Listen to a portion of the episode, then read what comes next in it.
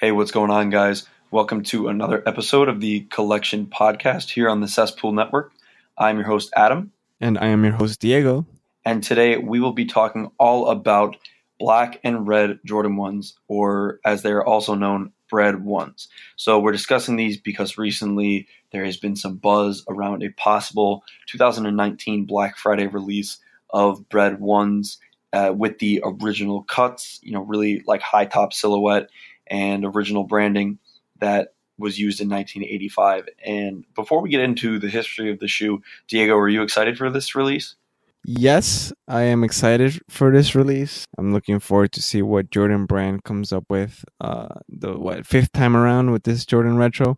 Hoping that uh you know they get it right. You know, a lot of people seem to not have faith on Jordan Brand with uh these type of releases and they drop the ball at the end of right right before it releases, they drop the ball on some type of design or whatever, but we'll see how they do. Okay, cool. I totally agree with you. I'm looking forward to it. Uh, I've never really had the chance to buy Breds for retail, and I was really only kind of getting into or getting back into sneakers in 2016 when the Breds retroed. That's my favorite retro to date. But uh, anyway, um, before we get into all that, we should just take it back a step or take it way back to 1985 to discuss the original release of the Bred Jordan 1.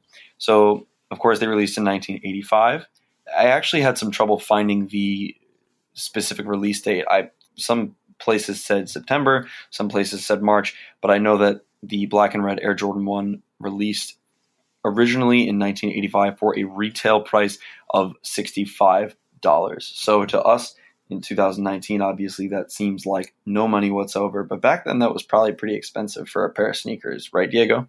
Yes, definitely. So I think that you know them releasing for only now we say only $65 but for $65 back then was a pretty big deal and i think that soon after the release or maybe right around the time of the release when michael jordan was wearing these shoes to play basketball and that kind of started building the hype and began building the Bred name or the the banned jordan 1 name because I mean, Diego, you know the story. I know the story. Do you want to tell the you know our listeners why they're called banned ones?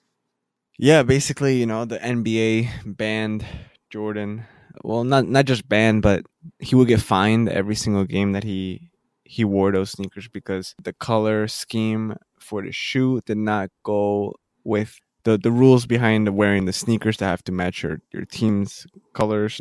And a lot of people are gonna say, I believe it was like more than two colors on your shoes is what it was that you couldn't have or something something around that that the, those bases that you know the Breds have the white midsole and the red and black but that was pretty much it that would cost this the fines after game after game to happen thank you very much for explaining that because i didn't really know honestly what banned really stood for what it meant until a couple years ago when i decided to just do a quick google search and then ended up watching the classic commercial where I'm sure you've seen it, Diego, or maybe you've seen it, where two big X's just yes. kind of cover Michael Jordan's shoes on the TV screen or you know on the screen.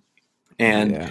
um, I th- I just think it's so crazy that every single game he would get fined and would continue to play in them. But of course, you know that kind of like outlaw attitude or that sort of attitude only goes far for Nike and starts to build hype because you know he's just saying uh, to hell with the rules. Like I'm gonna wear the shoes that Nike's made me. And I mean, I'm sure at some point they stopped, you know, finding Jordan, and he was able to wear what he wanted to wear in peace and wear his shoes. But I just think it's so crazy that every single game he would just accept the fine and play in what he wanted to play in because I mean they were made for him after all. So I just think that's a very cool initiative on his part and definitely helped build or begin that legacy of the banned ones. Moving on, the banned ones, so they released originally in 1985 and then saw a series of retros many years after the original release. So the first retro was in 1994 for only $80. So full almost 10 years later, only a $15 price increase. Then seven years after that, they retroed again in 2001 for again $80, so no price increase there. In 2011, the actual what they were called was banned ones with the large red painted X on the heel, released at Nike outlets only. Very interesting choice for $125. And then in 2016, our most recent retro of Breds released for $160, which is pretty much the standard price of a pair of Jordan 1s as we know it today. Those released in September of 2016, I believe, for $160. So all of these, you know, if anybody says, oh, what about the 2009 defining moments pack Breds or whatever? So these are all just the OG branding Bred ones that have released. So we got 85, 94, 01, 2011, and 2016. So Diego, I want to ask you which of all the releases, either the original or any of the retros to this date, is your favorite and why? I like the 2001 re- uh, retro. That's my, that's probably my, uh, that's my favorite uh, Jordan one of all the releases of them. I don't know. I just like the color. I like the cut on them and the materials used for them. It's just it's as close as I'm as I, I can get to like an OG pair without having to deal with the leather chipping on the back. So that's probably the best choice for me. And if you can't, you know, go with those, uh, I'd go with the 2011, 2013 uh, banned ones. What what year was it? 2011. 2011. 11. 2013 was a uh, I believe a Jumpman retro. Yeah, yeah. So not OG branding. So 2011 banned ones, but if not, I gotta go with the 01 pair. That goes with the Royals too, but you know, it's a different conversation. Interesting choices. But uh, I will say that I do like 01 Breds a lot. It's actually kind of funny. The swoosh on those, I don't even think is really leather. It's like a suede or like a nubuck. If you felt a pair in person ever, not sure if you have, but the swoosh actually just doesn't feel like leather whatsoever. It's got a different consistency than the rest of the shoe. So I find that very interesting. But I got to disagree with you on the 2011 pair. I'm really not a fan. A lot of people say that oh like this is the best quality Jordan 1 like some people like to say that shattered backboards are the best quality Jordan 1 I have to agree with that. I think the leather on those is just phenomenal. Very soft very supple and it you know creases easily but it's a really nice pair of shoes. And I would have to say that my favorite retro out of all of them just as far as like shape not so much color because I think the color on these is kind of off, but I would have to say the 2016 retro is my favorite just because I really like the shape of Jordan 1s these days. I think that the swoosh is like perfectly thin, the comfort level is high. Like they're really just a great looking or a great pair of shoes in general.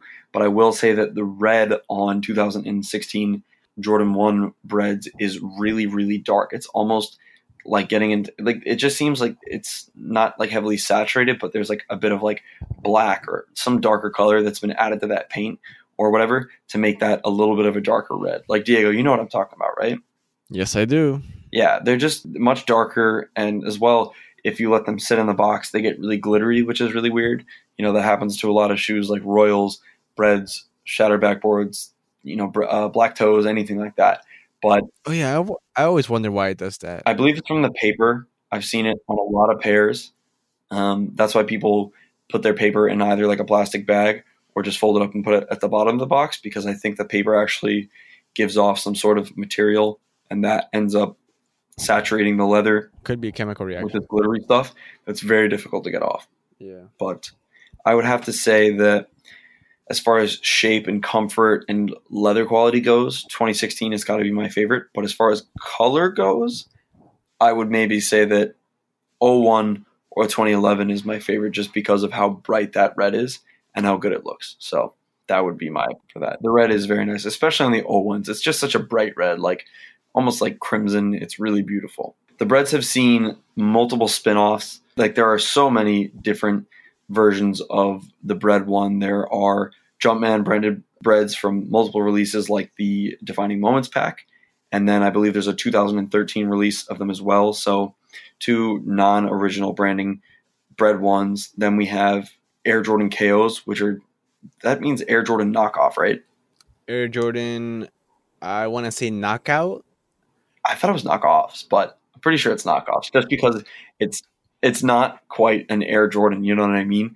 Like it's got a similar shape, very like very similar, but it's not exactly like you know what you're looking for in you know a Jordan shoe. So that to me, I've always heard it was uh, knockoffs.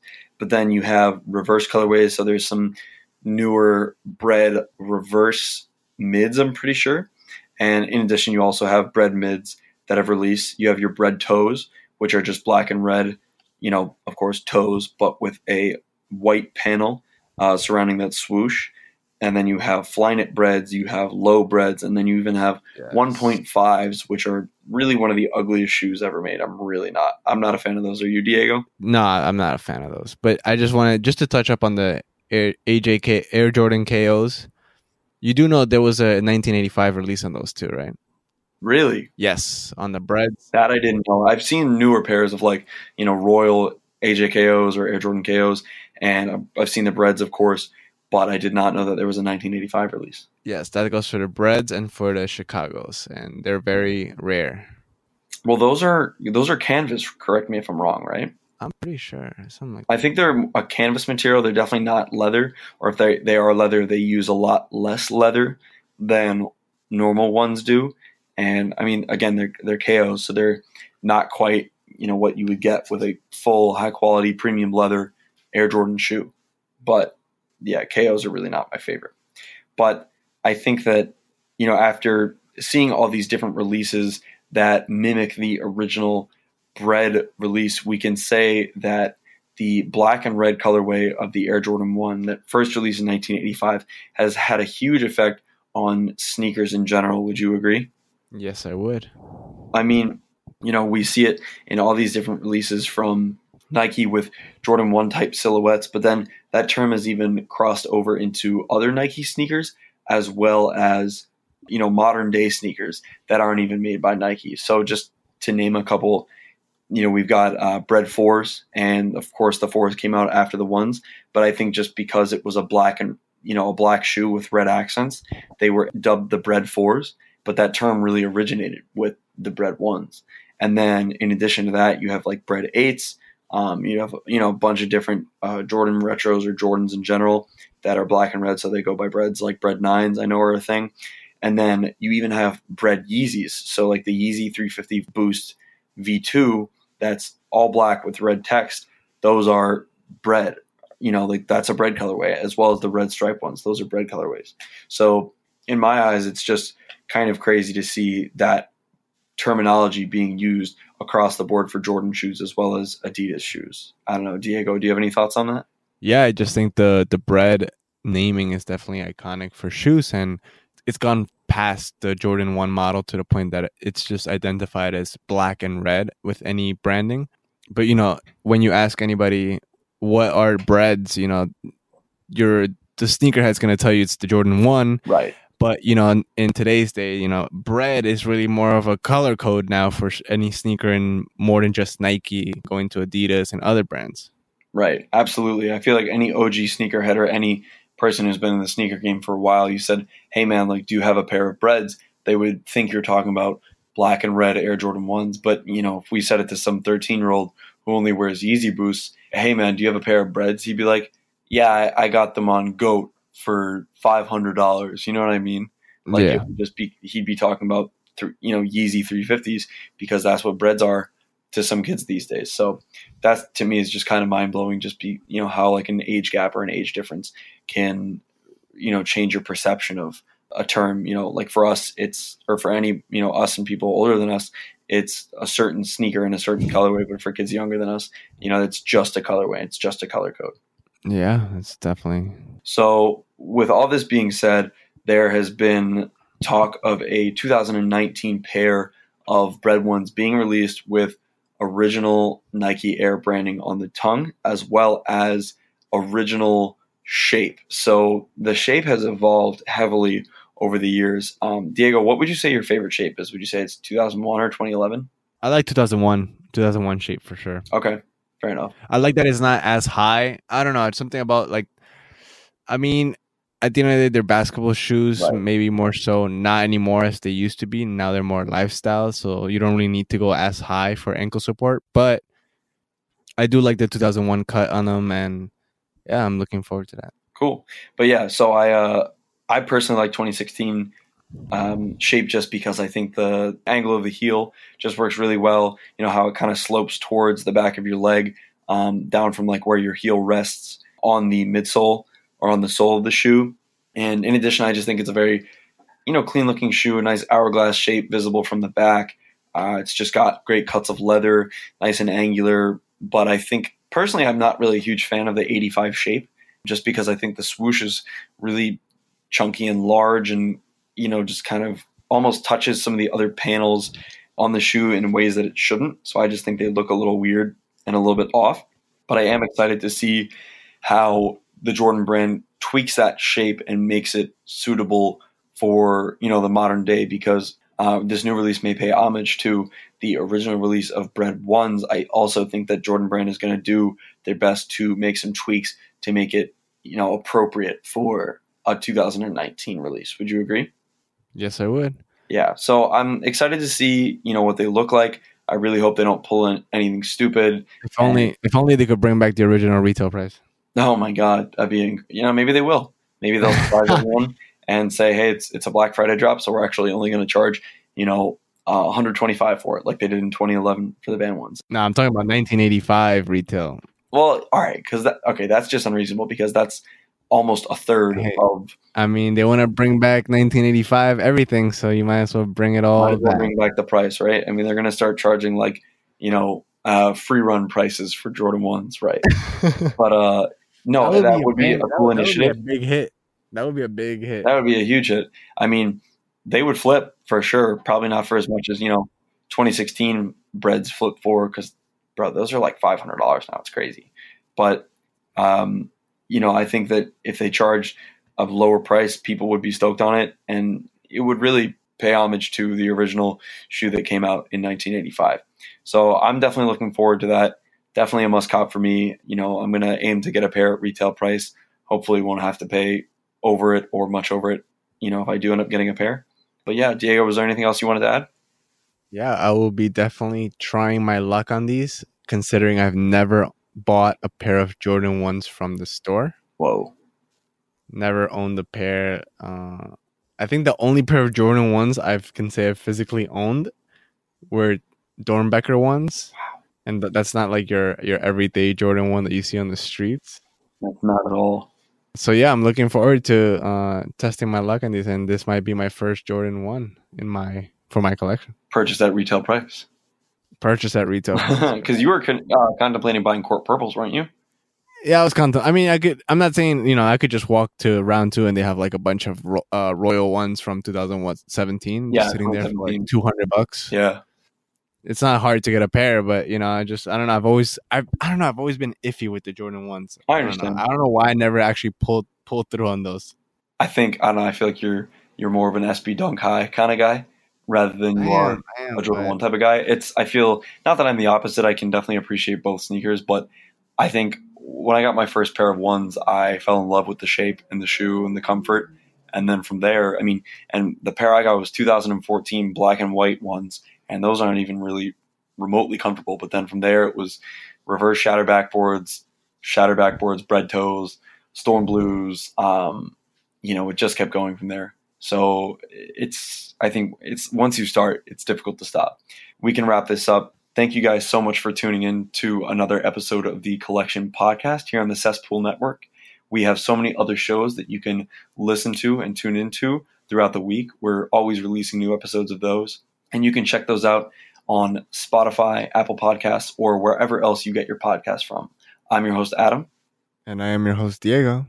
And thanks so much for tuning in. Good luck later this year trying to cop the 2019 Bred One Retros. Take care, guys.